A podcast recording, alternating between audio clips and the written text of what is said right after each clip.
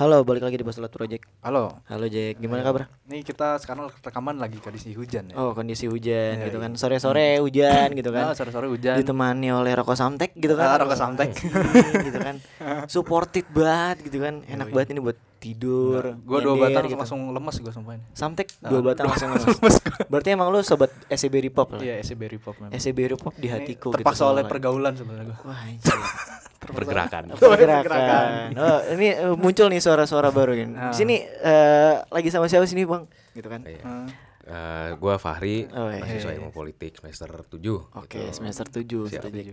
Eh dan di Ini, sini ini, ini sebenarnya ada yang Apa unik nih? dulu nih. Gimana Waktu gua ke si Akmal bilang apa? Mal, besok kita eh besok cendol bisa nih gitu. Eh cendol tuh panggilan buat Fah- buat si Fahri ya gitu. Eh, Panggilannya gitu. Iya, iya. gue bilang "Eh, mal besok si cendol bisa nih gini-gini oh siap siap si Akmal langsung nge-share tulisan apa yang harus kamu lakukan kalau kena UU ITE Ah. ya ini adalah pertanda kagak itu Gimana tuh? Masuknya gimana tuh? Tarikannya.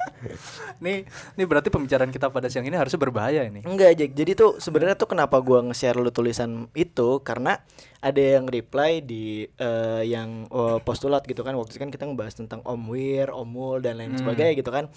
Eh, di sini tuh ada ada yang wah anjir gue juga pengen ikutan nih ngobrol gitu kan. Ah. Tapi sama UU ITE enggak kan lu kan nge-mention secara jelas gitu Ah. kan. Terus gua lagi lagi scrolling scrolling scrolling di Twitter tiba-tiba nemu tulisan dari asumsi gitu kan. Hmm. Waktu itu juga kita bilang, oke kita perlu gitu Dok, untuk kayak misalnya kontak-kontak LBH masyarakat gitu Iya. kan. Kalau Iya. kalau kalau misalnya tiba-tiba Kena tuntut. kena tuntut gimana gitu kan. Jadi pusing juga gitu kan. Masa ya lu tidak eh, diginiin sih gitu kan sama pasal-pasal karet gitu kan. nah itu dia permasalahannya Nah, memang. Selanjutnya nih kita bakal ngebahas sesuatu yang sangat-sangat Indonesia sekali gitu. Yoi. udah sama expertnya kita di sini Oh jangan dong kalau kayak gitu. Eh, setidaknya expert di UIN Eh, Iya, jangan juga bahaya lagi. Nanti memberikan celah gitu. Eh, memberikan oh, celah. Oh, lu paling expert ya. Oh, Iya. kan pusing malah kita. Asal jangan self proclaim ya. Iya, Iya asal jangan kan? ngaku-ngaku aja Iya, iya, gitu. asal jangan ngaku Asal jangan jadi korlap. Eh, Iya, iya. Mau izin, mau izin. oh iya siap siap siap.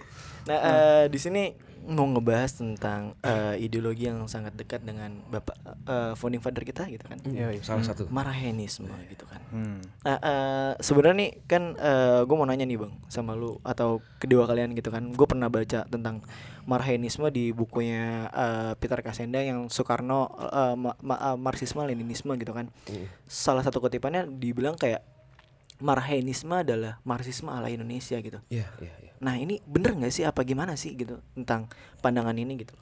Nah, kalau kita banyak ya sebenarnya kalau untuk bicara tentang Marhaenisme itu banyak buku babonnya gitu kalau kita bicara. Ada salah satunya almarhum Peter Kasenda, Ah. ada salah satunya dari eh, Gatut Ignatius Gatut Saksono.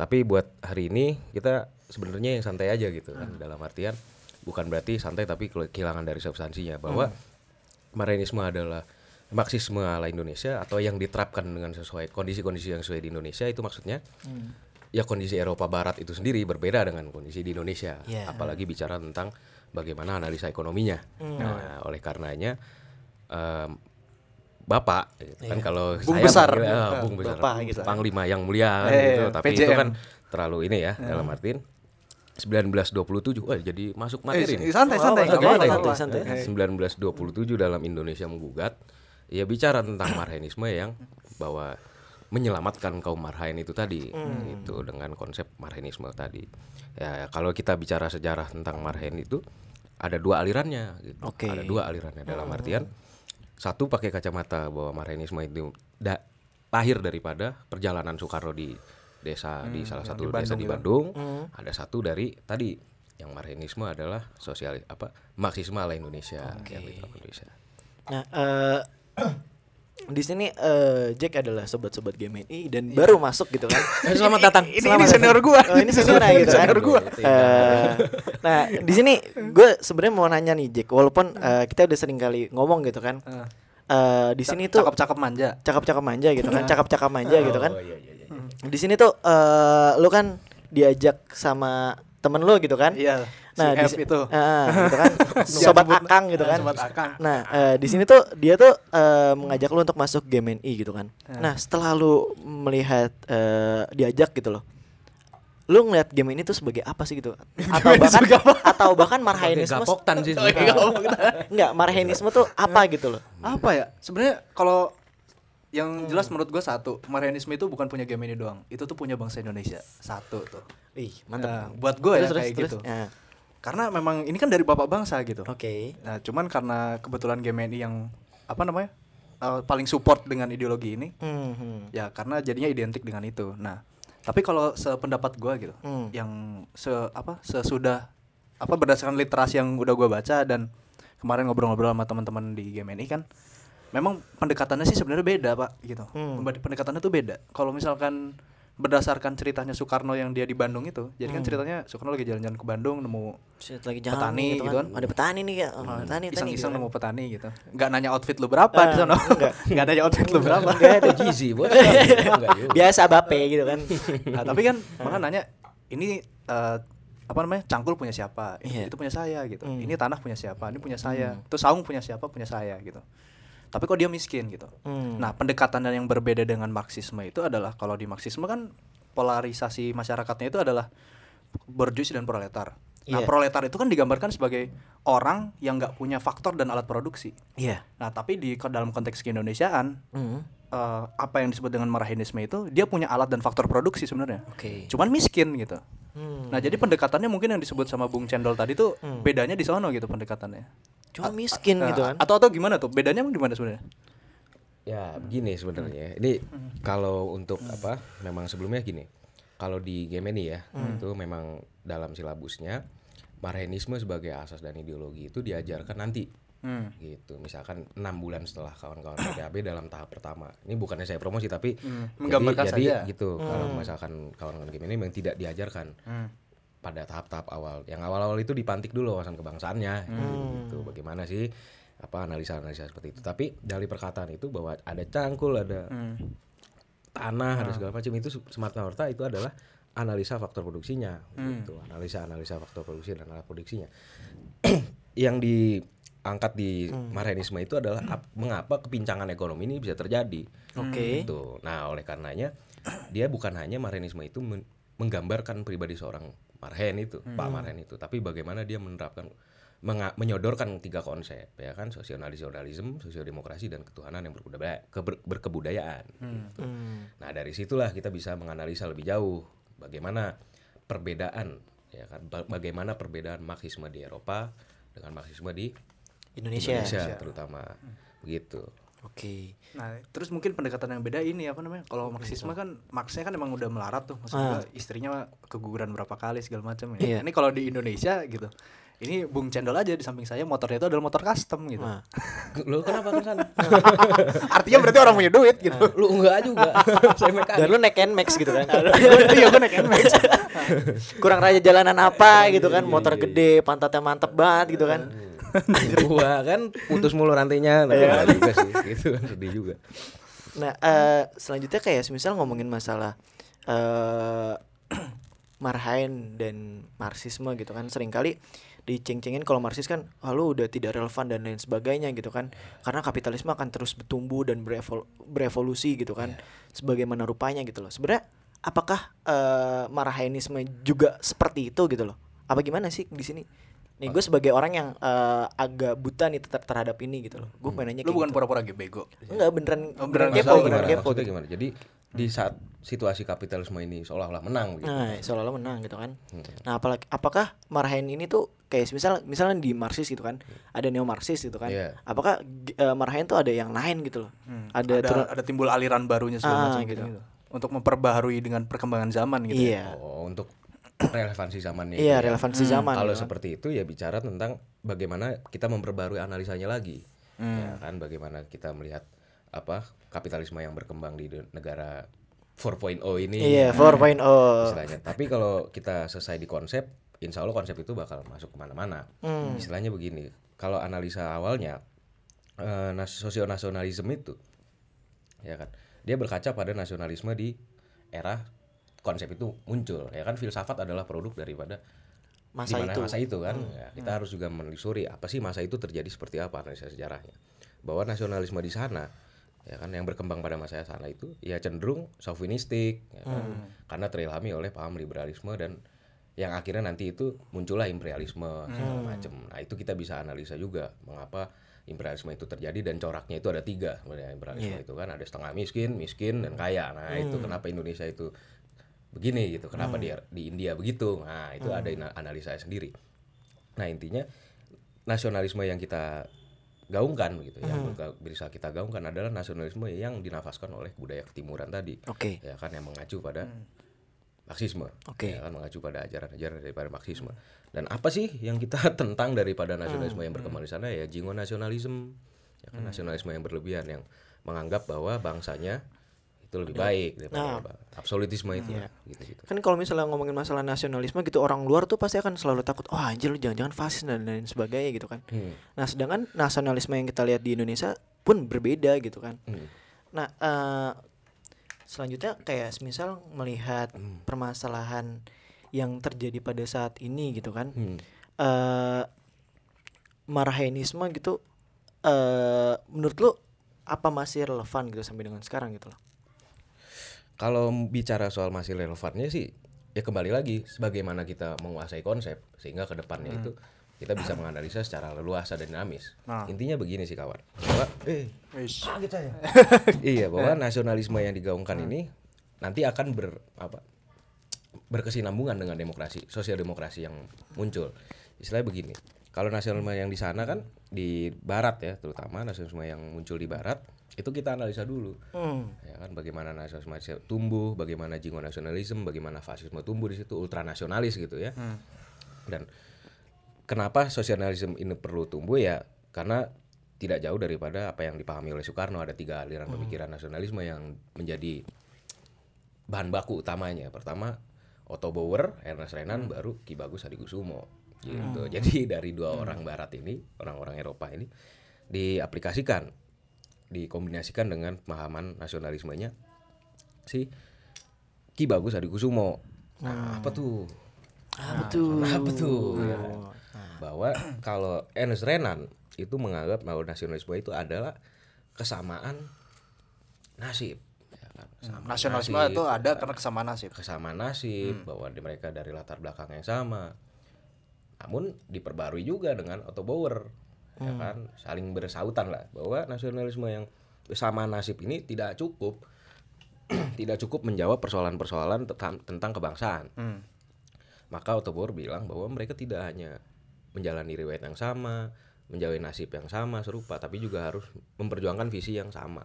Begitu. Ada tujuan nasionalisme yang jelas di situ. Nah, kalau sudah begitu dimodifikasi lagi oleh Ki Bagus Hadikusumo. Pada saat itu dia ber apa Pak Bung Karno ini me- apa, berdiskusi dengan Ki Bagus. Dia bilang bahwa apa sudah cukup nasionalisme ini gitu. Nah, nasionalisme tidak cukup bahwa di situ perlu tanah, perlu ada Adanya unsur tempat berarti. geopolitik unsur geopolitik. Perlu perlu mengikat ya perlu ada nasib perlu ada tujuan tapi juga perlu ada batasan-batasan yang jelas tentang di mana nasionalisme itu tumbuh gitu. Karena berbeda nasionalisme di sini dan di sana. Nah itu membatasinya itu adalah analisa geopolitik dan kalau sosiodemokrasi ini nah muncul lagi sosiodemokrasi. Iya. berbeda dengan demokrasi di barat sosiodemokrasi di yang digaungkan oleh konsep nas, apa konsep marxisme ini mengacunya pada demokrasi yang lahir di Prancis dari penjebolan benteng Bastille kan. Itu kan sebenarnya kita melihatnya jangan tunggal ya dalam analisa MDH suatu peristiwa itu jangan dilihat sebagai peristiwa yang tunggal dan berdiri sendiri. Harus ada peristiwa penyangga apa itu. Ada tiga bersautan juga dengan apa yang saya mengambil referensi lain dari Tan Malaka bahwa adanya ketidakpastian hukum. Ya kan demokrasi intinya kan membatasi kekuasaan absolut, absolut kan apa eksekutif Iya, iya. yang bersifat absolutisme berusaha itu. Nah bahwa demokrasi yang muncul di sana adalah produk hukum Oke. Iya produk hukum tapi produk hukum saja tidak menjawab ada tiga misalnya pertama bahwa seseorang itu seorang warga negara gitu dalam demokrasi yang lahir di Prancis itu yang tadinya polisi itu bebas menangkap ya tidak Iya. boleh kayak gitu kan Hmm, yang iya, kedua iya, iya. adalah adanya hakim yang memutuskan perkara ya kan? ini jadi ke bapak tan nih nggak apa-apa ya Nggak apa-apa, santai, santai, aja Santai. ada hakim yang memutuskan perkara ya kan bahwa tidak tidak boleh dia masuk penjara terus nggak ada yang memutuskan ar- arahnya ke mana sih? Saya salah apa gitu istilahnya kan? bahasa populis seperti itu. Nah, yang ketiga adanya eh, hak untuk membela. Nah, demokrasi di Eropa di Prancis pada saat itu mengacu pada tiga itu analisa hukum itu tadi bahwa ada hak yang membela. Namun ketika tidak ada sosiodemokrasi di situ, demokrasi yang lahir itu ya bullshit lah itu. Yang pertama polisi itu menangkap tidak boleh ada ini ya itu kan polisi itu adalah kaki tangan daripada negara yang pada saat itu Aparatnya justru. Ah, menjadi kaki tangan daripada negara sebagai agen penindas kelas ya kan? Nah, yang kedua adalah hakim. Diangkatnya hakim hakim ini ti- apa, tidak boleh tidak bukan tidak boleh tidak bahasanya gimana ya? tidak bisa dipungkiri pada saat itu adalah produk dari pendidikan borjuis. Sehingga uh, orientasinya ketika dia ber- berprofesi ya pasti orientasi borjuis ini agak Gramscian dikit nih. Jadi Gramscian dikit tuh bahwa intelektual yang lahir itu harus dari kelasnya gitu. Walaupun di Indonesia itu berbeda. Nanti kita bahas lah insya Allah.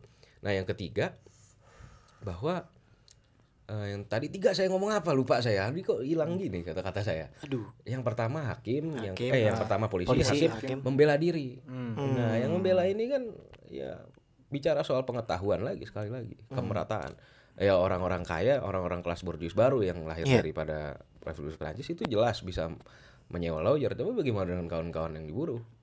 Ya, benar nggak mampu? sehingga apa? Dijawab bahwa demokrasi itu harus selaras dengan pemerataan kesejahteraan distribution of wealth. Nah, jadi perlu ada alat produksi dan faktor produksi yang dimiliki oleh masyarakat yang dikelola oleh negara ya kan kalau sosialisme intinya bukan intinya salah satu tema pokoknya adalah bagaimana penguatan peran negara dalam kegia- kegiatan-kegiatan ekonomi dan segala macam kan Iya. sektor-sektor vital itu nah sekarang kalau saya melihat ya saya melihat nih bu analisa saya sekarang saya bakar dulu lah gitu Hmm, bakar dulu. Bakar dulu lah. Biar lebih santai Biar gitu kan. santai, lebih santai. maksud saya gini Hmm.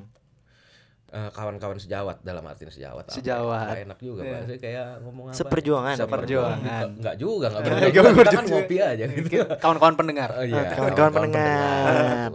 Sobat postulat gitu kan. sobat postulat bahwa orang-orang yang mengaku memiliki paham sosial gitu, sosialisme itu menganalisa sesuatu menganalisa kegiatan hari ini bagaimana ekonomi segala macam itu bisa sangat sosialistik.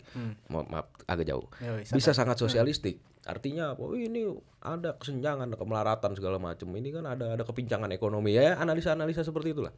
Namun mereka dalam kawan-kawan ini ya kawan-kawan eh saya masih menganggap mereka kawan gitu. Ya, dalam arti kawan-kawan ini menganggap meng- menghadirkan solusinya daripada analisa sosialistik mereka dengan cara yang sangat liberalik liberalistik. Apa itu? Justru menjauhkan peran negara. Dia mengambil alih tindakan sendiri. Iya, iya, ya kan? Malah peran negara ini menisbatkan segala macam. Harusnya kan agen kita sebagai ya kalau menjadi mahasiswa aja nggak usah bilang organisasi mahasiswa. Kita harus menjadi agen sinergis di situ. Kelas menengah bos. Ya kan? Menjadi pengkritik itu sangat mudah ya kan? Tinggal cari data ya kan? Tapi bukan berarti saya menisbatkan mengkritik itu mudah ya kritik juga perlu ada transparansi gitu kan. ya saya mengapresiasi apa yang terjadi di Jakarta sekarang. Tapi yang menjadi sulit adalah bagaimana kritik kita ini bernilai gitu. Kritik Oke. kita ini mengandung eh, suatu pesan-pesan ideologis. Hmm. ada ada yang kita perjuangkan. Kan ideologi itu perlu ada agen bos. Iya. iya kan? Perlu ada agen ideologi itu untuk bisa berkembang ya. Kan? Ideologi pun perlu kader berarti. Nah, wah ini berat. Tapi tapi bukan jadi utama. Cuma juga kader banyak tapi ya nggak nggak memiliki kata tidak menjadi katalis daripada satu ideologi kan begitu dan bahkan kalau misalnya di- eh, kadernya banyak terus pada pengen keluar gitu, tapi nggak tahu cara keluarnya gimana gitu kan. kayak sobat ini anda kayak anda ini. sebenarnya kalau mau keluar dari organisasi gampang saja. Tapi nanti lah itu off air aja dulu.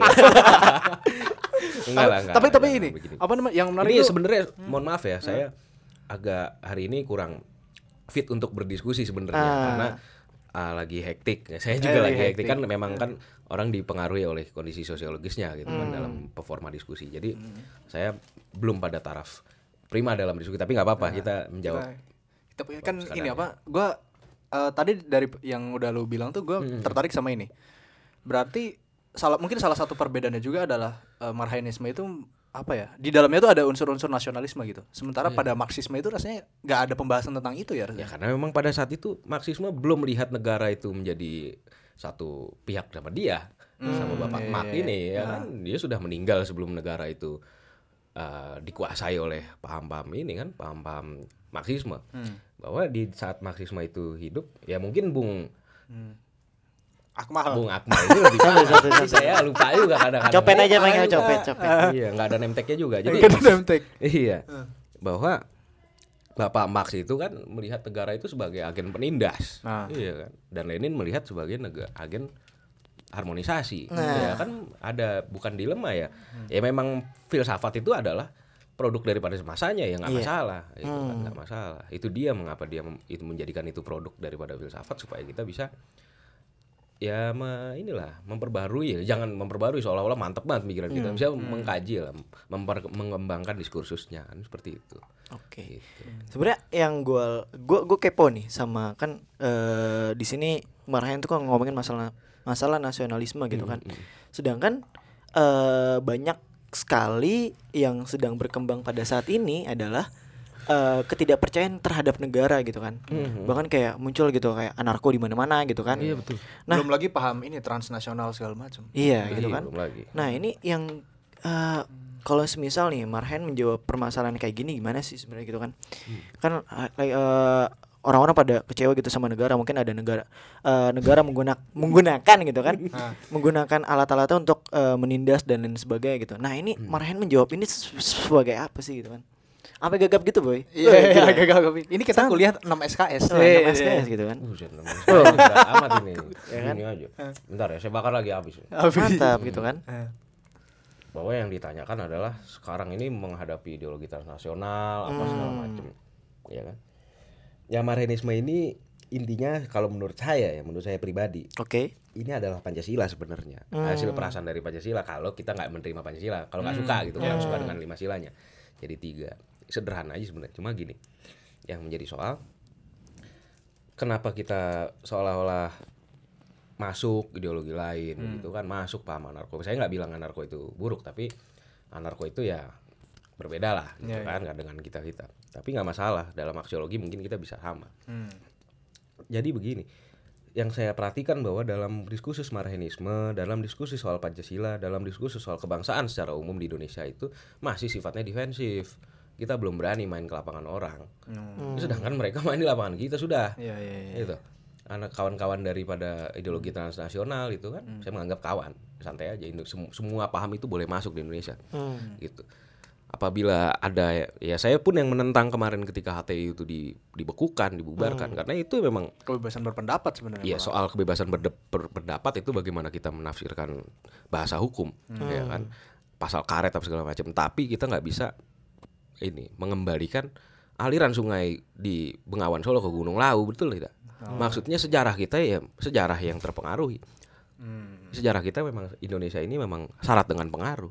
Ada paham Islamisme di sana. Iya, dalam arti begini bu, Indonesia ini kan punya dua sifat. Ya kan? Ini nggak apa-apa, ini ngalir Santai, jadinya. santai, Santai, santai. Eh, santai ya. Dalam artian sederhana saya bilang bahwa Bung Hatta dulu pernah bilang gitu. Yang saya bawa-bawa ke mana-mana ini omongan ini tentang pembubaran daripada salah satu organisasi itu bahwa Indonesia itu memiliki sifat air laut dan tanah vulkanik. Hmm. Mungkin ada yang pernah dengar. Belum. Belum belum. Saya juga jadi sendawa ini. Ya, santai, santai, santai. Emang kalau misalnya sesuatu tuh bakal nular gitu kayak Iya. sendawa, Ya, itu tandanya saya peduli Ya, orangnya kan? gitu. ah ikutan ah gitu kan. Hmm. Jadi jangan kita? Jangan kita berusaha mem- apa? pergi dari jati diri kita lah istilahnya kan. Bahwa jati diri kita memang jati diri air laut sifat. Bahwa segala macam paham itu masuk tanpa dianggap mengotori sebenarnya. Apa pun itu bisa masuk, tapi kan itu kan ideal.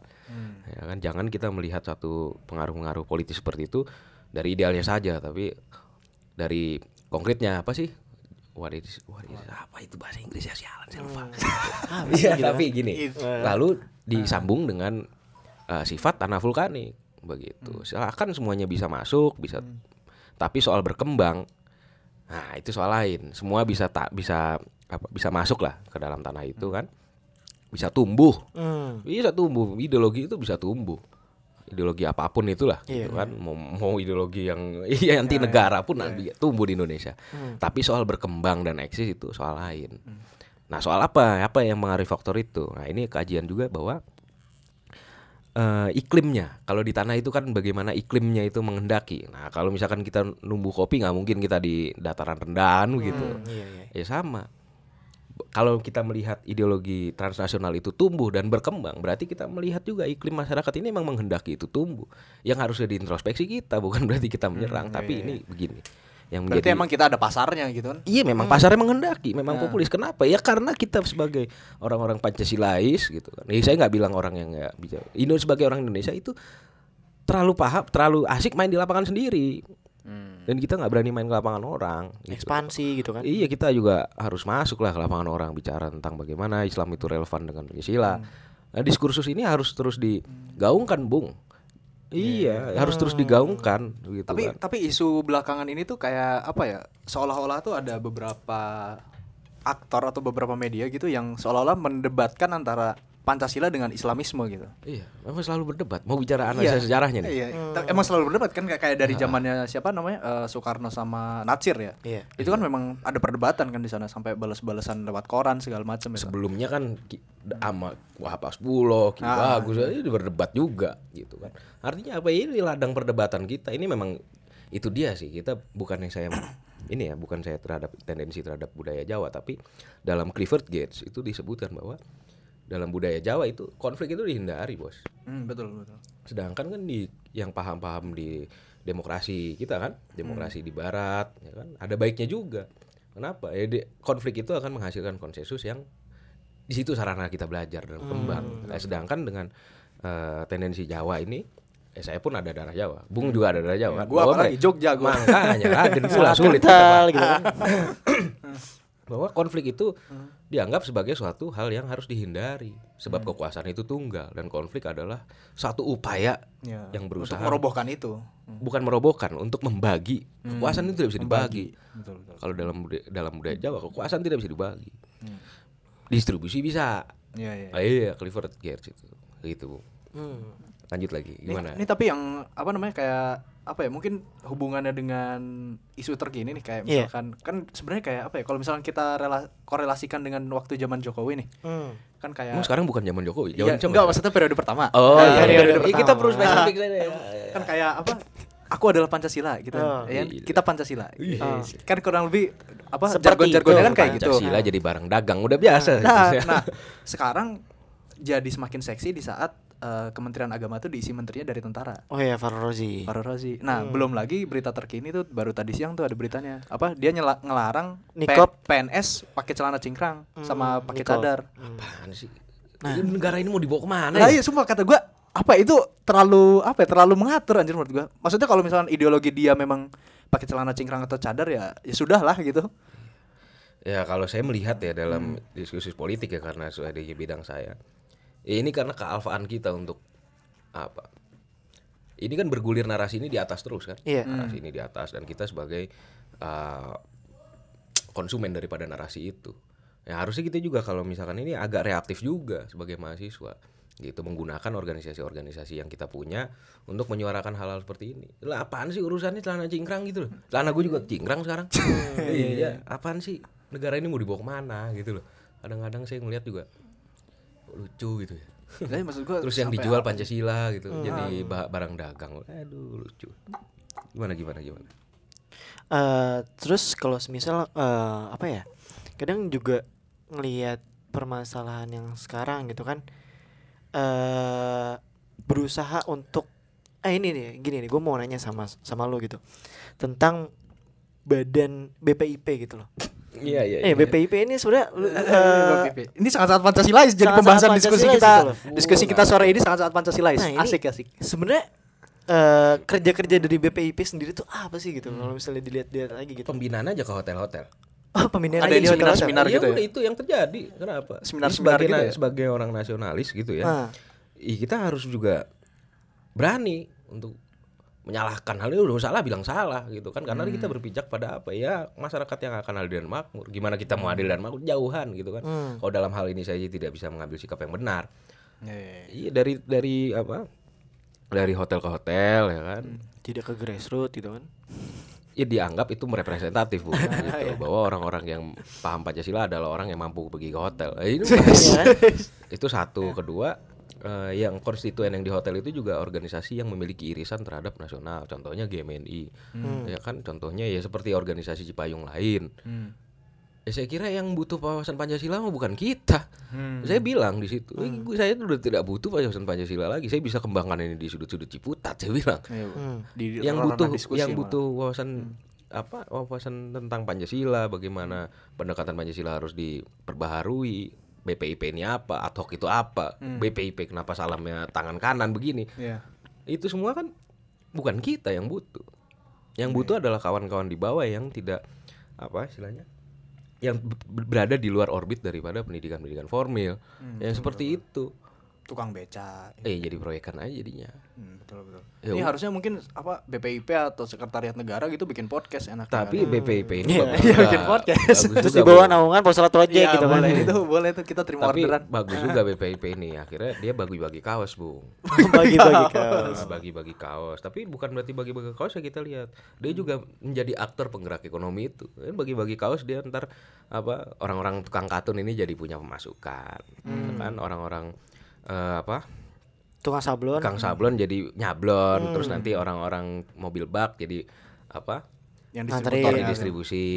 Ya maksudnya gini yang mau saya sampaikan bahwa proyekan itu jangan dilihat bahwa itu buruk sebenarnya. Ya terlepas dari pemburu rente ada di sana, Hmm. tapi harus dilihat juga bahwa itu menggerakkan ekonomi di sektor informal. Gitu. Paham nggak maksudnya? Iya, Paham, paham, paham, paham ini paham. Iya, tapi ya begitulah agak di agak disesalkan bahwa substansinya itu hilang gitu. Jauh dari substansinya. Apa sih BPIP ini saya nanya juga kan. Dalam tiga forum itu pertanyaan saya selalu sama, apa sih BPIP ini? Mau ke mana gitu. iya, begitulah kalau Sampai ada badan pembinanya gitu Dalam loh. pembinaan Tuh, itu. Ini tuh. emang Jokowi sangat-sangat Pancasilais memang. dibina. Iya. Iya. Orang Pancasila apa enggak itu bukan dilihat dari bagaimana dia bikin organisasi atau unit kerja presiden gitu kan. Malah, malah tadi gue bakal mikir kalau misalkan dulu Prabowo yang naik ya, ini buat yang kedua ini naik. Hmm. Gue ngira malah BPIP bakal dibubarin loh. Karena Enggak usah nunggu Prabowo, gue yang naik gue bubarin. Dalam arti begini, Bung. Ya kan kalau kita mau bicara tentang Pancasila apa segala macem gitu ya. Apa sih komponen konkretnya gitu yang jelas gitu yang beres gitu kan. Kalau Pak Bapak Karno dulu dalam manipolnya itu jelas manusia Pancasila yang bernafaskan sosialisme. Itu ada 19 poin sebagai masyarakat itu harus ini. Salah satunya tepat waktu. Apa segala pembangunan manusia itu jadi penting, human developmental itu jadi penting. tepat waktu. Hmm, Itu yang sering kali absen Itu gitu. yang Iya, salah satunya absen. Pak waktu kita bisa bikin kajian tentang uh, Manipolusdek dan pembangunan manusia. Iya itu bisa kita. Dal- Dalam artian itu ada kajiannya sendiri gitu namanya Manipolusdek Pem- pembangunan semesta berencana. Nah, itu di gitu. Ini sangat-sangat ini ya sebenarnya sangat-sangat panas sebenarnya diskusi kita Sangat-sangat. saat ini. Tapi saya tertarik juga buat diskusi tentang diskursus Islam dan- Pancasila itu. Hmm. Seru itu. Emang kayaknya Wah, sel- tarikannya kayaknya panjang, selalu, Pak. selalu dibentorin gitu kayaknya. Iya selalu dikoto, diko- di apa dikotominya selalu muncul gitu kan seolah-olah orang-orang nasional Tidak nasional eh tidak islamis gitu. Iya tidak Islamis orang Islam tidak nasionalis padahal dalam rapat BPUPK itu orang-orang Pancasila itu ya mendukung Islam Soekarno itu mendukung syariat Islam itu Lu gimana sampai nangis-nangis Malah ini apa kalau nggak salah yang Soekarno itu yang gue baca bukunya tentang perdebatannya sama apa Natsir itu sebenarnya kata Soekarno tuh Islamisme tuh boleh masuk, cuman lewat jalur-jalur yang formal. Hmm, Rebutlah kursi-kursi di parlemen. Ah, terus? Maksudnya kayak gitu, maksudnya sah-sah itu aja. kan eh, kalau soal itu ya eh, libur-libur parlemen itu adalah apa yang dia katakan di rapat BPUPK kedua ke satu Hmm. ya kan di rapat 1 Juni itu bahwa ketika memang orang-orang Islam ini mau mengatur jalannya negara ke depan ya kuasai parlemen Iya, jangan betul. kuasai dasar negara Nah, gitu jangan jangan pakai cara-cara yang brutal Nah, kayak mungkin walaupun ke depan jadi kompromi di 1946 jadilah Kementerian Agama. Hmm. Cuman ributnya itu ada satu kata-kata yang di ini agak ini soalnya literasinya agak susah didapat. Jadi Apa? Begini sebenarnya. Ini kan jadi ke mana-mana ini nggak Eh, apa-apa. ya? santai, santai, santai kita santai. ya. Ini sistem saya sesantai baru itu kita. Iya, masih santai itu. Bahwa begini Bung. Eh, yang Bung tahu menurut Bung ya Nah, dari B- rapat BPU pertama rapat rapat panitia 9 Hmm. BPUPK ya, kedua Mei ya kan terus juga eh rapat BPUPK kedua udah mau mereka tuh kan rapat PPKI rapat PPKI kan pertama 18 Iya. ya kan nah itu nah letak Pancasila ributnya sama Hmm.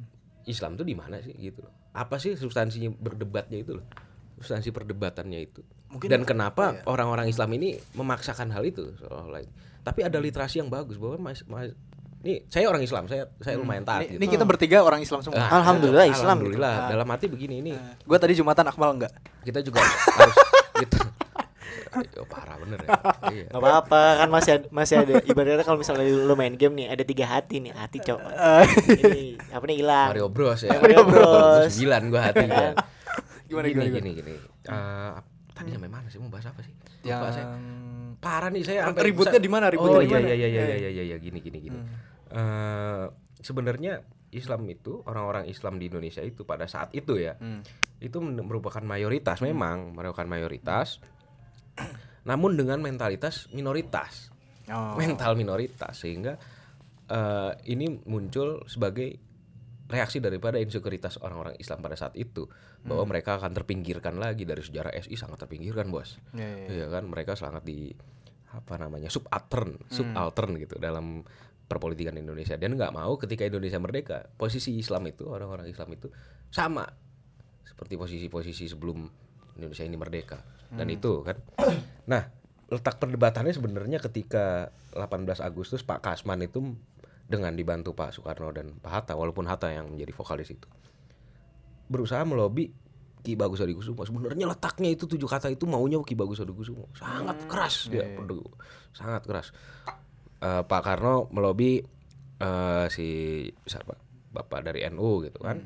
Hmm. Wahab nah nggak bisa nggak tembus gitu kan. Nah ada satu satu satu kata ini yang yang bikin in- seorang orang Islam itu menagih-nagih sebenarnya. Apa itu kata-kata? Udah pak diterima dulu. Ini pan- apa gagasan Pancasila ini enam bulan ke depan kita akan buat undang-undang dasar yang men- yang mencirikan yang mena- menaruh tempat khusus bagi orang Islam. Enam bulan setelah 18 Agustus itu itu ditagih tapi kan keburu AMB satu sehingga tidak dibahas gitu loh.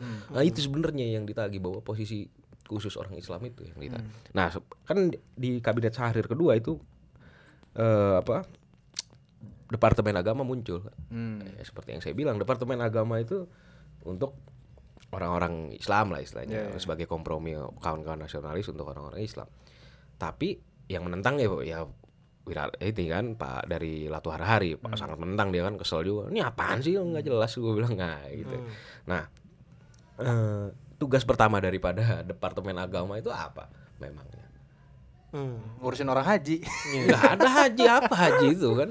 Nu- ini nentuin floor price buat haji? Enggak juga kan nggak tahu orang haji itu. Ini di AMB 1 itu orang perang ya kan? dan AMB AMB selanjutnya perang-perang yang berkecimpung di Indonesia itu selama revolusi departemen agama itu tugasnya untuk nganter doa bos. Yang terdoa. nganter doa. Buat orang-orang yang meninggal? Buat orang-orang enggak. Buat orang berangkat perang. Ya Bismillah. Oh, berangkat perang. iya Bismillahirrahmanirrahim. Semoga ya kan gitu gitu iya, iya. itu saja Tende sih. sangat sangat sangat lucu receh ya. Saat-saat Iya receh tapi dari receh itu kita melihat Kementerian Agama sekarang ini sangat wah sangat wow gitu kan sangat- punya universitas di mana-mana gitu. Padahal kalau buat berdoa doang kayaknya majelis Nah taklim ini bisa. sebenarnya menarik ini bicara tentang sejarah UIN. Iya. Tapi bukan sejarah UIN ini berdiri. Ini rektor Ya, pertama. Ini saya lah, nggak eh, begitu. Saya males. Tapi di Wikipedia ada dong Iya, males juga. Maksudnya yang kita bahas itu sejarah UIN ini bagi kawan-kawan Islam tradisionalis. Hmm, ya ya. Gua Bagaimana gua ngerasa Islam? itunya sih apa iya, namanya, apa sih sejarahnya? tuh terasa. Nah, Ah. itu itu kita bi- debatkan itu. Kita bicarakan di situ. Semoga nanti postulat bisa apa menggunakan episode selanjutnya untuk bicara tentang hal itu secara khusus. mengakomodir gitu kan Iya, mengakomodir nih. Hmm. Gitu kan saya siap lah kalau untuk bicara itu. Eh, Saya suka, saya suka bicara tentang UIN Eh, dan eh, apa perdebatan Islam reformis, modernis dan tradisional ini. Hmm. Karena perdebatannya panjang sekali, Pak. Hmm. Udah hari 1926 sampai ini 1926, Bos. Pak Nadatul Wat. Iya, Nadatul Waton. Hmm. Sampai dia pecah di Kongres Kairo dan Kongres Mesir Oh, sampai sekarang itu saya pengen bahas itu sebenarnya. Cuma belum ada ada medianya, medianya. gitu. Nanti bisa saya ya. medianya saya berupa notulen gitu biasanya. Berupa notulen. Heeh. Siapa tahu lah kalau Nah, ada kesempatan siap, lagi siap. bisa. Nanti kita bisa ini ini akomodir lagi. Nah, kok- tapi Siap, kalau balik lagi ke tadi yang vis a vis itu, Astaga, guys. yang jadi yang versus saya. versusan itu. Iya. Tadi kan kita ngebahas tentang Pancasila versus Islam sekarang. Iya. ya. Nah, tapi kalau kata ah, si Ariel Herianto itu, Hmm. harusnya yang bisa di- yang lebih dipermasalahkan itu adalah di saat negara deng- eh Pancasila dengan tentara kata dia tuh. Hmm. Karena pada prakteknya kata dia tuh harusnya kan ini kan menghidupkan masyarakat sipil nih negara Iya. nih. Tapi malah banyak intervensi di- dari aparat di Hmm. dalamnya gitu. Kayak lu tau lah kayak siapa Tito, Hmm. Tito masuk ya. Segala macamnya. Tapi belum lagi Terawan walaupun dia memang dari sipil ya awalnya ya. Iya, iya. Kayak gitu lagi. Artinya selalu dikembangkan gitu, selalu Hmm. dibenturkan supaya berkembang. Ya nggak apa-apa saya. Itu nggak apa-apa sih menurut saya mah. Terbentur, terbentur dan terbentur. Alah, iyalah. itu banyak tuh dipakai sama caption-caption orang-orang yang baru masuk maba gitu. Ah, baru-baru kenal kiri itu biasanya pakai captionnya itu. buat saya no komen dulu lah kalau itu. Karena saya pun il, visip ilmu politik gitu saya paham ini arahnya ke mana saya paham Saya paham. eh, bung de, bung Akmal dari mana sih Sosiologi. oh sosiologi kan sosiologi berdua Gue sosiologi. oh iya iya iya iya iya. ya kan gitulah pokoknya dan apa ya kalau semisal gimana nih coba Gimana coba, nih, coba. Gue udah abis nih bahan-bahan yang pengen gue pertanyakan coba Iya Marianisme itu balik Hmm, lagi hmm. bahwa analisa Ya kan? Marianisme itu ada kan ada tiga hmm. yang semuanya itu nanti ketika dijadikan konsep bagaimana yang tiga ini bisa diselamatkan Nah, bahasa selamatkan itu bahasa politis juga Hmm. bahwa mereka harus dibejak dulu baru diselamatkan begitu kan Iya, iya, iya. agak kejam juga bahwa ya memang di dalam sistem yang memiskinkan maka marianisme ini bisa tumbuh seperti sosialisme hanya bisa tumbuh ketika kapitalisme ada Hmm. gitu kan ya sama Hmm. nggak jauh beda substansinya bahwa ada tiga marianisme itu nah siapa yang menjadi lokomotif itu menjadi persoalan Hmm. ya kan Yang menjadi lokomotifnya itu. lokomotif dari pergerakan marianisme ini menjadi persoalan yang pertama adalah proletar Hmm. ya proletar itu kan berkaitan langsung dengan jantungnya produksi kan Iya. jantung yang kapitalis lalu kedua kaum tani Hmm. lalu ketiga orang-orang ini serius nih dalam bukunya Ik- Gatot Ik- Ignatius Gatot Saksono itu disebutkan bahwa yang ketiga ini Kang Beling, Kang Gerobak, iya dengan spesifik gitu. Hmm. dan lain-lain. Iya, iya, iya. Itu kan yang artinya ketiga-tiga ini adalah dimiskinkan oleh sistem. Nah ini juga analisa sejarah, bung. Hmm. Nah ini tuh? perlu kamar sendiri. Hmm. Proletar, kaum tani, iya banyakan mana? Iya. Banyakan mana? Dari Maksud saya begini, dalam kongres, waduh ini agak ku- kuminis nih. Eh. Dalam kongres keempat Kuminis. PK, Nah. PK, ya kan, bukan ini ya. Dalam kongres keempat di eh, di Rusia itu kan, Hmm. Stalin itu marah kok. Hmm. Kongres keempat atau kongres kelima nih. Mohon maaf nih bagi yang lebih paham gitu kan. Hmm. Dia marah kan bahwa pada saat itu PKI Partai Komunis India di India gitu kan, manusia di India itu bilang bahwa kita ini juga harus menggapai kaum tani buat bisa bergerak. Karena masa ada di dia. Karena masa ada di tani. Oh, iya. Terlepas dari mereka itu tidak memiliki pengalaman dan pendidikan seperti proletar gitu kan. oke Dan orang-orang dalam Marxisme itu kajiannya orang-orang tani itu kan masih feodal, feodalistik bahwa mereka diperas oleh sistem yang berbeda, yang satu feodal, yang satu kapital. Hmm. Begitu kan. Tapi basis masa banyak nih ka- kaum tani, apalagi corak Indonesia agraris corak ya. Indonesia agraris. Gitu kan. Hmm. Nah, ini berbeda juga. Hmm. Kalau corak Indonesia agrari di India itu bisa berkembang kok industri. Maksudnya Iya, gini loh, yang di negara tetangga Singapura Iya. industri berkembang, Filipina lumayan berkembang. Jose Ricardo, eh siapa namanya itu? Lupa saya. Dokter siapa itu lupa saya. Aduh, Bukan aduh, dokter- bukan dokter ampun, Terawan bukan yang dokter terawan, tapi Iya bukan dong. eh, mungkin Bung di SSDM gitu ya. Hmm. Saya sih sangat salut dengan kawan-kawan SSDM ya. Hmm. Bahwa perlu digaungkan karena analisa mereka itu tajam dan konkret, Bung. Ya kan analisa orang-orang kiri yang bicara tentang ekopol itu tajam dan konkret. Begini maksud saya. Eh, dalam kajian sejarah saya, itu kajian tentang imperialisme, ya kan imperialisme di di GMN itu ada kajian sendiri. Kajian tentang imperialisme dan itu memetakan bahwa imperialisme itu akan menggambarkan cara dia menjajah itu akan menggambarkan kekayaan negara di yang jajah gitu. Oh. Mungkin Bung pernah dapat ini belum apa gimana? Belum belum Iya bahwa kalau nggak salah itu dibagi empat atau tiga gitu. Dulu saya pernah bawain di Tangerang. Ini Tapi saya lupa itu udah semester 4 gitu kan udah lama juga. Ini sekarang Bung semester Saya semester 7 Tujuh. Hmm. Iya, tapi yang saya ingat begini bahwa kapitalisme itu itu ada yang setengah kikir, ada yang kikir, Hmm. ada yang royal. Iya. Hmm. Nah, Indonesia ini yang dapat kapitalisme yang mana? Oh iya iya. iya. Iya, dari kapital itu kan ya sederhananya beginilah kalau Bung Karno bilang. Di India ini nggak apa-apa, nggak ada timeline, nggak ada Santai, waktu. santai, kan? santai, santai. Saya Mau- bakar mau, dulu kalau mau gitu. dua jam juga nggak apa-apa sebenarnya. mau bakar dulu kalau Oh, iya. mau bakar dulu. Ya, bergulir dulu. Bergulir dulu. lah pokoknya kan. Nih emang sebenarnya apa ya? Menurut gua analisis kayak wawasan kebangsaan ini sebenarnya penting sih mal. Maksud gua Hmm. kayak kita kan di sosiologi itu memang apa ya? Menganggap sebuah fakta sosial itu kan mentah istilahnya fakta mentah kalau bahasanya Peter Berger itu. Jadi ya sebuah fakta sosial itu emang apa adanya gitu. Kita yang memberikan makna sebenarnya. Iya. Nah, tapi di saat adanya wawasan kebangsaan tuh ya kayak apa ya? Wawasan historis gitu-gitu jadi masuk sih sebenarnya. Nah, itu. Itu nah itu. Nggak, saya saya jujur nih dari dari awal kita mulai saya merasa diuji nih sama Bung Akmal nih. Eh, dan iya, diuji. ini Bung Akmal ini menguji saya nih sebenarnya. Bukan menguji Ngeri gitu. nih Bung Akmal. Datang nih. dengan kepala kosong saya sih gitu kan. Bung Akmal nih soalnya saya tuh ag- bukan apa ya, bukan fobia juga dalam arti saya tuh mm, punya pengalaman dengan orang-orang yang kalem. Oh. Ya, orang-orang kalem tuh saya segen. Segen saya. Karena di di game ini terutama tuh orangnya kalem semua yang di atas-atas itu, yang masih mentang tentang wah itu justru yang ilmunya masih naik turun gitu. Oh. Masih belum belum stabil. Belum stabil seperti Max dan belum dinamis seperti Lenin gitu kalau Macam gua lah gitu. Macam gua lah. meledak-ledak gitu. Diam, Masih diam, mau bicara soal pelan, pelan gitu. masih mau bicara hal yang banyak gitu. Hmm. Nah, kalau orang-orang yang sudah stabil ini ya berbahaya gitu. Orang-orang stabil ini, Bos. Hmm. Tadi saya lagi bahas apa sih? Tapi Bung Akmal nih saya Santai, mohon maaf santai, ya. Saya saya juga orang yang masih belajar gitu ya. Kita dalam dalam artian sama-sama belajar di sini dan kita mengamalkan hasil belajar kita Iya. walaupun sebenarnya saya lagi kurang fit juga tapi nggak apa-apa ya. Bukan berarti Iya. saya excuse. Nah, ini kan kita di sini sama-sama orang kiri nih. Eh, Ah, ja- jangan dong. Enggak, gua orang kanan. Website, Gua orang kanan.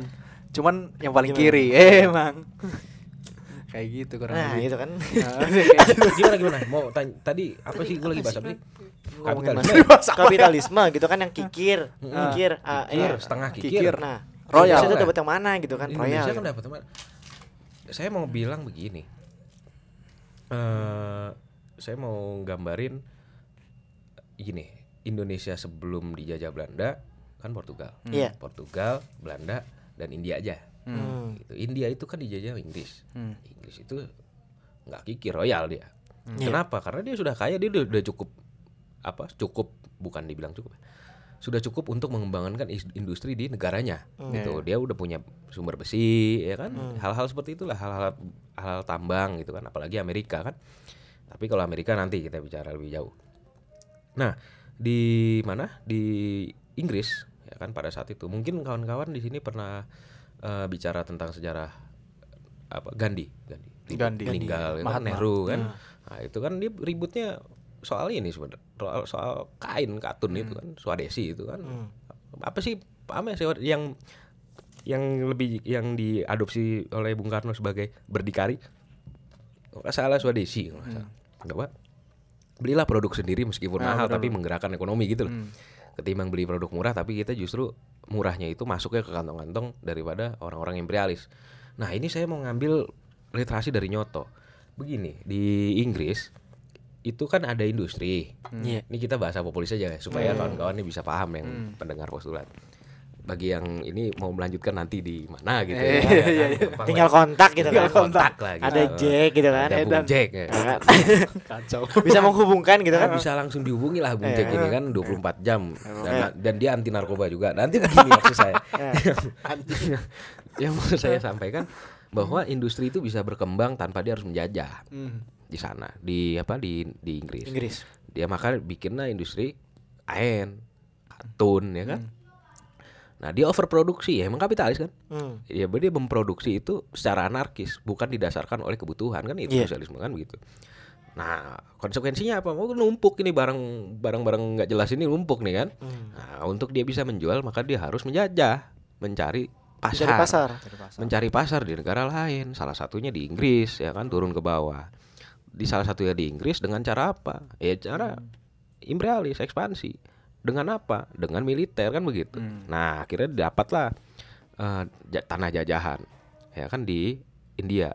Tapi dijajah doang belum semerta-merta menjawab persoalan yang menjadi substansi bahwa bagaimana ini bisa jadi duit gitu loh. Hmm. Overproduksi ini bisa jadi duit. Gimana nih urusan? Jangan cuman jadi eh, barang jogrok aja gitu Kan di jadi ngejogrok doang terus gue juga ngebunuh orang doang buat apaan gitu kan gue harus bisa menjual artinya kalau harus bisa menjual harus ada yang bisa mem- Membeli. membeli. Sederhana. Oleh karenanya di sana biar supaya orang-orang bisa membeli maka sektor formal dan informal itu harus dijaga di India. Industri itu harus berkembang di sana. Hmm. supaya masyarakat itu punya memiliki daya beli. Pendapatan per kapitanya cukup untuk membeli barang-barang overproduksi di Inggris gitu. Karena apa? Di Inggris kan labor mahal kurang SDM ya macam-macam lah. Nanti kita bisa bicara soal itu. Nah industri berkembang sana. Salah satu industri yang berkembang ya industri yang bukan sektor ini ya. Ya, industri lah macam-macam di sana industri kan. Ada industri tentang lo- lokomotif ya industri vital lah transportasi itu dihidupin.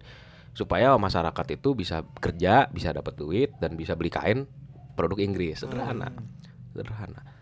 Lalu di itu karena Inggris itu setengah eh enggak royal ya? Dia royal, royal. ada juga sangat royal Amerika tapi nanti kita bahas di kamar yang lain. Hmm. ya kan kalau di Portugal dulu di Indonesia itu dijajah Portugal itu kan ya bisa dibilang sangat miskin dia menjajah hanya untuk memenuhi kebutuhan Dia aja Iya. gitu. Karena dia nggak punya Vasco da Gama itu kan dia apa dia ekspansi itu karena dia butuh nyari duit kan Hmm. Iya, iya, iya. Iya kan, bukan karena dia aku mau jalan-jalan kalau gua iya begitu malam-malam di Legoso gua jalan-jalan ya kan karena gua nyari angin gitu. Tapi kan Vasco da Gama jalan-jalan karena ini kita mencari gitu. Mencari brut geweld kalau bahasa Belanda ya brut geweld gitu. Kebutuhan perut di negara Portugal. Maka dia nyari datang di Indonesia. Datang terdampar di Maluku. Wah, cocok nih Maluku gua bilang. Ya kan? Ada rempah-rempah yang sangat dibutuhkan di Eropa justru jarang. Ya udah dia mengambil rempah-rempah itu meskipun dia ribut dengan kerajaan-kerajaan di sana mengadu domba Tidore dan apa ah lupa saya Tidore kerajaan sama apa ya? Di- Ternate Tidore. Ternate dan Tidore walaupun dia ribut di situ harus mengadu domba karena untuk menguasai apa menguasai ben- apa pelabuhan, gitu Pelabuhan kan di sana. tapi intinya dia menjajah hanya untuk kebutuhan dia Oke. gitu jadi negara kapitalis yang setengah apa setengah Setengah kikir setengah eh sangat kik yang kikir gitu ya dia hanya menjajah untuk kebutuhan dia tapi Belanda ini setengah kikir Oh. Kenapa tuh? Karena ada politik etis di sana. Eh enggak, kalau kita bicara politik etis boleh nanti kita bicara Van Deventer kan. Iya. Nah, kita banyak nih saya rekomend nih, banyak iya, rekomend iya, banyak iya, topik iya. karena seru gitu. Van Deventer kan politik etis, irigasi, transmigrasi, pendidikan. Itu kenapa ada begitu gitu loh. Menurut Bung kenapa? Gak apa-apa, selentingan dulu. Menurut Bung kenapa nih? Lu kan di sosiologi kan? Bicara mungkin Itu sosiologi tuh, itu Eh, sosiologi itu belum, ntar dulu. Lu kan mau masuk, lu kan kemarin mau masuk GMNI. Lu Gue jadi takut dari gue jadi takut dari Masa iya kayak jadi uji nyali gitu. enggak mau menguji aja bukan menguji apa ya mau ngeliat aja kan Van Deventer gitu Ah. kan politik etis Hmm. Ratu Belanda gitu kan Iya, karena di situ Partai Liberal menang Iya. Partai Komunis kalah Hmm. walaupun dalil Partai Komunis menyebalkan sekali Hmm. menyebalkan bu tuh, Partai Komunis itu. Bahwa mengapa Indonesia harus terus dijajah karena Partai Komunis di, di Belanda itu bilang begini. PKN Partai Komunis Nederland. Iya, PKN. Iya dia bilang begini, yang saya inget ya, saya udah lama juga nggak baca buku itu, bahwa orang Indonesia itu harus terus dijajah di, bukan dijajah dalam arti harus terus dikuasai oleh Belanda, karena khawatir ketika Belanda cabut, politik fasisnya Jepang justru akan mengambil alih, itu dalih saja. Oke. Sebenarnya dia mungkin pengen eks- tetap eksploitasi sebenarnya. Iya, itu kan dalih untuk terus mengeksploitasi, Ah. ya kan? Nah, ya tadi kutipan ini adalah kutipan yang tergambarkan ketika kita ngeliat Papua gitu. Kalau misalnya gue bisa ngabarin gitu kan. Gimana gimana? gimana? Kayak Ah, iya, semisal- bisa bisa, iya kan, kayak semisal- Malaysia sederhana itu kan? Kayak semisal eh, be- eh, ngeliat orang Papua gitu kan, harus eh, Veronica Veronica Komen bilang kayak harus merdeka dan lain Menurut sebagainya gitu Bung kan. gimana? Menurut Bung Akmal Papua Ah, itu, Kalau Papua gitu, kalau Papua dia merdeka kan tahun berapa sih? eh 1907. 60 60, satu- ya, 60 satu -an. Desember 60. Jadi Ah. kita punya waktu sebulan buat saya bisa ngundang orang Papua untuk di Pustulat ini kalau Eh, mau. siap, siap, siap. Karena saya kebetulan berhubungan bersahabat baik. Meskipun saya salam merdeka, dia juga merdeka, tapi dia ngomong di belakang. gua nih merdeka 60, Bung. Lu merdeka 45. Ayo bodo amat aksiologi kita sama-sama Sama-sama, berjuang iya. ya kan. Oh iya, saya sahabat sama. Dia sko- kosannya di belakang intermezzo, cafe intermezzo. Belakang di- intermezzo. Dan kita apa eh, ag- agak disayangkan sahabat saya juga di Papua itu yang di situ namanya Ambrosius Mulait itu belum pulang sampai sekarang gitu. Belum Semoga- pulang ke sini.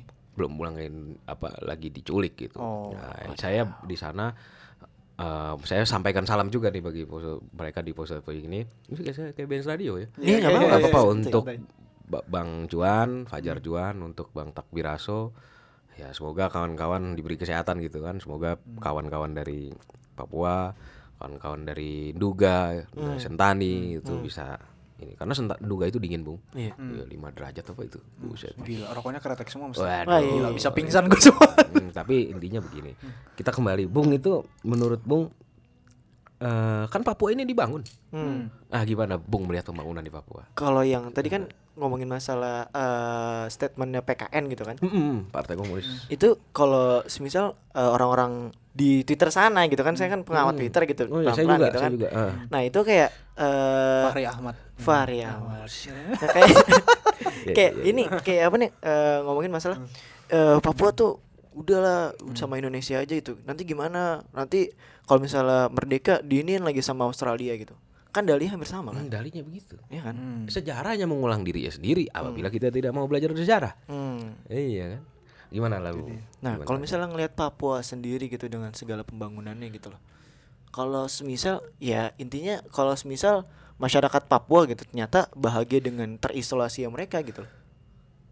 Tanpa pembangunan gitu loh. Nah, itu menurut gua gitu. Ya nggak apa-apa aja gitu. Ketimbang mereka harus eh, tidak bahagia dengan adanya pembangunan. coba di eh nggak apa sih itu Iya, maksudnya iya, ah, bahwa iya, pembangunan itu di sana Tidak mereka harapkan sebenarnya. bukan Tidak. tidak berharapkan dalam arti belum bisa diterjemahkan sebagai taraf yang mereka harapkan Ah, maksudnya iya, gini iya. pembangunan itu tidak semerta-merta menjawab persoalan yang sedang dihadapi Hmm, iya. gitu kan terus kita melihat di sana lagi dibuka 70 juta hektar Hmm. untuk kita menjadi lumbung beras dunia Hmm. ya kan lalu dibuka kelapa sawit ya kan Oh, Iya. maksudnya apa ini kan Hmm. ya kan maksudnya apa sih begini pembangunan-pembangunan di sana jalan tol apa segala macam itu kan orang di sana kan sudah nyaman dengan babi Hmm. Iya benar. Nah, membangun rumah membangun apartemen di sana itu mereka sudah nyaman dengan Rumah Honai gitu kan. ya kan? Iya seperti itulah istilahnya. Apa? Ini ada gap soalnya. Hmm. ya kan? Bagaimana cara kita mengerti orang lain? bukan bu- bu- kalau dalam pendekatan pem- apa pembangunan sebenarnya persoalannya pembangunan ini memang dalam teorinya ya itu bersifat unilinier. Maksudnya gimana unilinier? Ini kajian yang saya pernah bawakan juga dulu. Bahwa pembangunan itu bersifat unilinier kita sebagai negara berkembang mengembangkan negara kita itu berdasarkan apa yang sudah dilakukan oleh negara-negara di dunia Oke. maksudnya apa Punya negara di dunia- gitu kan? Iya, jadi Amerika itu dijadikan standar bagi negara maju dan kita itu men- ke arah sana. Oh, Iya. iya, iya. Jadi kita developmentalismnya itu adalah soal pembangunan fisik. Ya nggak masalah. Secara teori itu benar. Tapi apakah secara apa ya? Secara moral kita sebagai bangsa gitu. Hmm. Nah, ini enggak benar. Nah, itu peran kita tuh bisa di mana? Peran kita itu di mana? Itu persoalannya gitu loh. Oh ini juga, mungkin juga jadi counternya ini nih apa namanya Eh, orang-orang dengan ideologi transnasional itu katakanlah yang punya paham khilafah atau semacamnya itu Hmm. mereka tuh bilang bahwa nasionalisme itu adalah sumber konflik sebenarnya. Ya nggak masalah. Hmm. Iya, emang sumber konflik. Nah kata dia tuh kok gue kayak orang yang kayak kayak cokro gue ya sepakat dengan semua orang akhirnya yang akhirnya tidak berprinsip kelihatannya gitu. Nah, tapi apa kata dia tuh justru ideologi transnasionalisme itu yang bisa mengurangi konflik kata dia. Buktinya kat- kata dia ya gitu. Kalau misalkan semua ini udah khilafah semua gitu, udah di satu orang gitu. Maka konflik-konflik yang disebabkan oleh nasionalisme itu udah nggak ada lagi. Kayak misalkan dulu kasusnya itu yang Indonesia Malaysia ya Indonesia Malaysia. Itu kan persoalan nasionalisme. mm-mm. kata dia kalau ada transnasional tran, tra- ideologi transnasional itu nggak akan ada tuh yang namanya konflik Indonesia Malaysia gitu. Karena udah satu kepala satu cara pemahaman gitu negaranya. Eh berangkat lagi. Eh jangan dinisbatkan sem- bahwa semua negara itu berangkat daripada nasib yang sama, sejarah yang sama, visi yang sama. Soal geografi geografi. mungkin kita bisa nego lah, Hmm. ya kan. Kan intinya di geografi ini yang diperdebatkan. Sedangkan yang jadi substansi itu bukan hanya geografi tapi sejarah, visi. Hmm, balik lagi ke awal ya Eh sebenarnya. balik ini setiap seja- setiap bangsa itu memiliki sejarah. Bahkan dulu sejarahnya Filipina itu mau diakomodir dalam Indonesia kok. Hmm. Tapi mereka udah merdeka. Ini kan hanya persoalan kedaulatan saja dan bagaimana mencari gorengan di antara gorengan sebenarnya kan. Ya kalau memang dia narasinya bahwa nasionalisme itu eh apa? Nasionalisme itu menjadi sumber konflik, ya saya sah-sah saja. Hmm, Memang benar-benar gitu. Eh, karena begini, Bung Karno itu pernah pernah menggariskan hal yang per- yang sangat saya ini sangat saya patri dalam hidup saya sebenarnya. pribadi kan gini. Bahwa kita nggak bisa menyalah bahasa ininya apa ya, tapi dia menyampaikan di bahasa Belanda gitu kan. Karena memang pada saat itu bahasa Belanda menjadi ba- kode bagi orang terdidik. Ya, dia mau men- apa? menentukan posisinya Iya, sedang ingin ingin menentukan posisinya. Dalam arti begini. Orang kayak ngomong bahasa Inggris lebih inilah Ya, lebih intelek. lebih intelek dengarannya iya begitu juga gitu. dulu Ya, nah istilahnya orang yang tidak mengerti itu tidak bisa disalahkan Hmm. makanya saya ya udah nggak apa-apa gitu kan Hmm. tapi kalau kita berangkat dari pemahaman yang sama berangkat daripada garis-garis yang kita sepakati bersama ya mungkin bisa kita salah-salahkan gitu. Tapi kan mereka tidak sama dengan kita sa- dengan kita kan. Dengan mereka bicara itu sumber konflik sah-sah saja. Dari apa yang kita pahami bahwa nasionalisme kita kan berbeda. Nasionalisme yang dinafaskan oleh budaya-budaya timur. Hmm. kita itu bukan budaya-budaya barat liberal. Hmm. Ya kan bukan saya berarti anti liberal nggak biasa aja saya bodo amat gitu kan. Tapi nasionalisme liberal ini yang yang menjadi nafas utamanya daripada nasionalisme ekspansioner chauvinisme dan jingo. Hmm. gitu sederhananya. Jadi mereka itu menganggap nasionalisme ini ya kan kita sejarah sejarah dunia ini adalah sejarah pertikaian dan pertikaian gitu. Iya. ya salah satunya diisi pertikaian dengan bangsa dan bangsa. Hmm. ya mereka mungkin berangkat dari situ. Hmm. ya nggak masalah. Kalau saya nggak berangkat dari sana kan gitu. Ya anak game ini nggak berangkat dari sana. Gitu. Itu itu aduh aduh aduh aduh. ini hati-hati nih kawan. aduh no. Aduh. Tapi ini men- menarik bung. Maksudnya gini. Perdebatannya agak panjang ya ya kan? Iya saya senang, senang sekali saya Nah. diskusi uh, dengan kawan-kawan gitu bahwa saya nggak di apa menumbuhkan ekspektasi saya lah dengan anak-anak Iya. FISIP gitu. Hmm. bahwa apalagi kalau bung dari SSDM gitu kan saya belum pernah bicara banyak tentang SSDM kecuali dengan Haidar sebenarnya. Hmm. tapi banyak topik yang bisa kita angkat sebenarnya bu. Iya. kan jadi media di sini. Dan banyak pemateri yang mau bicara juga sebenarnya kalau bung mau gitu Iya. gitu masukkan dia aja. hebatnya kita. Hmm. dan eh, dilihat juga kan ya kan Eh, semua kan bisa masuk gitu di postulat gitu Iya, santai aja semua, gitu semua orang boleh masuk. semua orang boleh masuk Saya- karena media otonom aja gitu loh Iya, kalau mau menarik nih 1 Desember ini kan ulang tahun Papua Merdeka gitu. Hmm. ajak aja gitu, gitu. Wih, Wih, ini boleh udah dikode ini. nanti gua ajak sini buat kita bahas bareng-bareng kan nah kan cocok tuh kan Biar apalagi udah menambah apalagi gitu saya udah sahabatan kan udah enak udah nggak tembak-tembakan gitu kan. karena dulu lucu dulu. Pernah saya diskusi bertiga saya bawa anak satu. Bukan anak maksudnya anak biasa gitu apa anak visip lah satu saya nggak mau bicara siapa dia. Saya dia penasaran bung saya mau ikut dong diskusi sama orang Papua. Iya nggak apa-apa emang datang sini saya Sherlock. Hmm. diskusi kita berempat. Bicara tentang mm, krisis kemanusiaan di Sentani kan gitu. Dulu kan Sentani ada jadi udah kena banjir di jar-jar TNI ya gitulah istilahnya kan. pendekatan militeristik itu juga harus dibatasi. Nah lagi diskusi soal itu. Lalu dia nyeletuk nih anak yang saya ajak nih. Bilang gini tapi Papua sendiri kan banyak pemberontaknya. Papua sendiri banyak pemberontak dan mereka pemberontak itu dipersenjatai oleh Australia. Saya geleng-geleng kepala jujur. Pusing saya ini gitu. Tapi sekali lagi kita paham dari ber- dari bertiga ini saya dengan dua orang lain ini paham bahwa kita nggak bisa menyalahkan orang yang nggak paham. Tapi ada satu yang maha yang kena nih kesel. Yang kau bilang pemberontak gitu kan. Yang kau bilang sebagai kelompok bersenjata dan pemberontak itu adalah ayah kami adalah saudara kami adalah kakak dan adik kami jadi bung hati-hati kalau bicara di sini Suasana Buset, jadi panas ya, suasana jadi panas. ketemu lagi besoknya panik gitu aku takut gitu kan ampun ampun Tapi di postulat Gitu. project kita bebas lah ya. Nah, Maksudnya bebas. kita kita bicara siapa siapa aja gitu. bahkan kalau misalnya ada sobat-sobat konservatif atau apa pun Bener, itu datang itu aja gitu Gua ada saya saya ada Gua gua ini loh apa namanya? Gua tuh selalu bilang gini, apa namanya? Organisasi di kita tuh kurang yang membawa narasi orde baru. Iya. Gua tuh selalu bilang kayak gitu. Maksudnya gini. Maksudnya Orde Baru gimana? Maksudnya gini, apa namanya? Eh, di kita ada maksudnya kayak GMNI yang ngebawa idenya Soekarno gitu kan. Maksudnya dari sebuah rezim. Salah satu. Salah satunya Hmm. gitu.